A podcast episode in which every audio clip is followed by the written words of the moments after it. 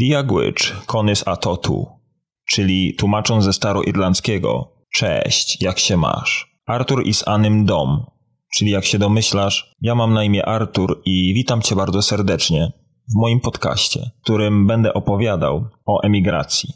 Jako ciekawostkę dodam tylko, że te wyrażenia, którymi przywitałem cię we wstępie do mojego podcastu, to Gaelic, czyli z pozoru wydawać by się mogło zapomniany już język irlandzki. Chociaż tak naprawdę mało kto w dzisiejszych czasach posługuje się nim na co dzień, to Irlandczycy robią wszystko, co tylko mogą, żeby ten język nie został zapomniany. I tak jak jest to drugi urzędowy język obowiązujący w Irlandii, i tak jak jest to obowiązkowy język y, nauczany w szkołach, tak samo możemy na przykład spotkać Gaelic y, na przystanku bądź w komunikacji miejskiej, gdzie są podawane komunikaty o następnym przystanku. To zawsze pojawia się nazwa przystanku najpierw w języku irlandzkim, a dopiero później w języku angielskim. Sam osobiście znam tylko kilka zwrotów, z czego większość przedstawiłem już we wstępie do tego odcinka. To jest jeszcze jeden zwrot, którym od czasu do czasu się posługuje, ale służy mi on bardziej do przekomarzania się lub e, żartowania sobie po prostu z Irlandczykami. I jest to zwrot pok my home, czyli po prostu pocałuj mnie w dupę. Ale jak się już zapewne domyślasz, nie będę z niego korzystał na łamach tego podcastu.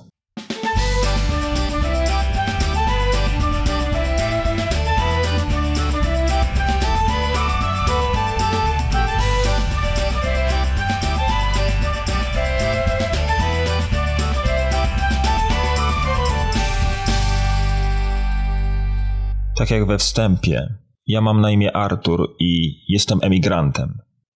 I chociaż zdaję sobie sprawę z tego, że to określenie nie robi już na nikim wrażenia, to warto byłoby opowiedzieć o moich doświadczeniach związanych właśnie z emigracją. W czerwcu 2013 roku moje życie obróciło się o 180 stopni.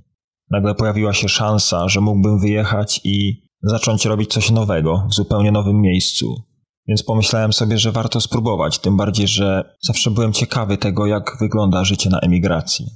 I chociaż wiem, że ile ludzi, tyle historii, każdy miał swój własny osobisty powód, żeby wyjechać. Dla większości były to cele zarobkowe, dla innych też jak trochę w moim przypadku chęć sprawdzenia się i chęć poznania samemu osobiście, czym to życie na emigracji jest. Tak więc w czerwcu tego roku, czyli w czerwcu 2021 roku, minęło 8 lat, jak jestem może nie tyle obywatelem, co rezydentem Zielonej Wyspy. Za każdym razem, jak jestem w Polsce, to moi znajomi czy przyjaciele pytają mnie, Artur, jak to właściwie jest być tym emigrantem? Jak to jest mieszkać na wyspie?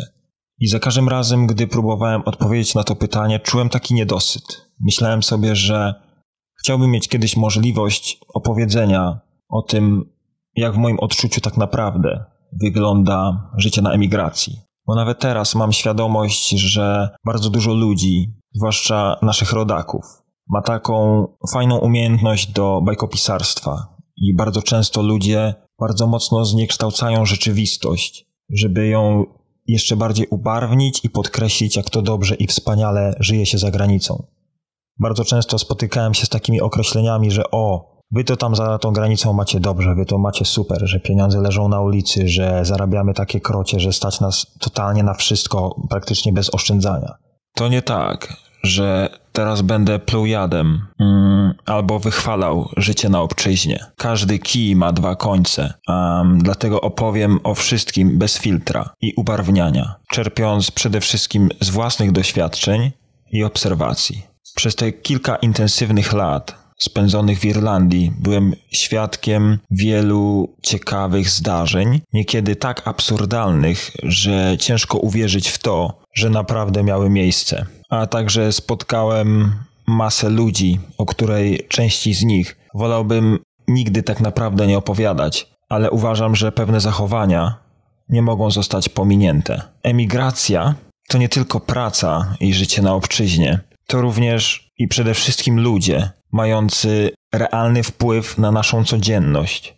Bez obaw, nie zamierzam generalizować, wrzucając wszystkich Polaków do jednego worka. Jednak na pewno nie zabraknie kontentu typowo polskiej cebuli, um, od której masz ochotę zapaść się pod ziemię.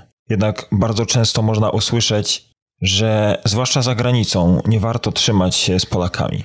Ale opowiem również o tubylcach i o ich podejściu do życia, o ich zwyczajach i o tym, jak widzą i traktują zarówno nas Polaków, jak i innych przyjezdnych. Nie przedłużając, jeśli interesuje Cię, dlaczego, cytując Maleńczuka, praca na saksach szkodzi na maksa, jak smakuje irlandzka whisky, co znajdziesz na końcu irlandzkiej tęczy, jak smakuje ryba z frytkami i irlandzkim winegarem, a także o tym, ilu Polaków potrzeba do rozładowania tira, zapraszam do odcinków mojego emigranckiego podcastu. Na zakończenie, jak to mówią Irlandczycy, Slon Awalia, czyli do usłyszenia niebawem. Cześć.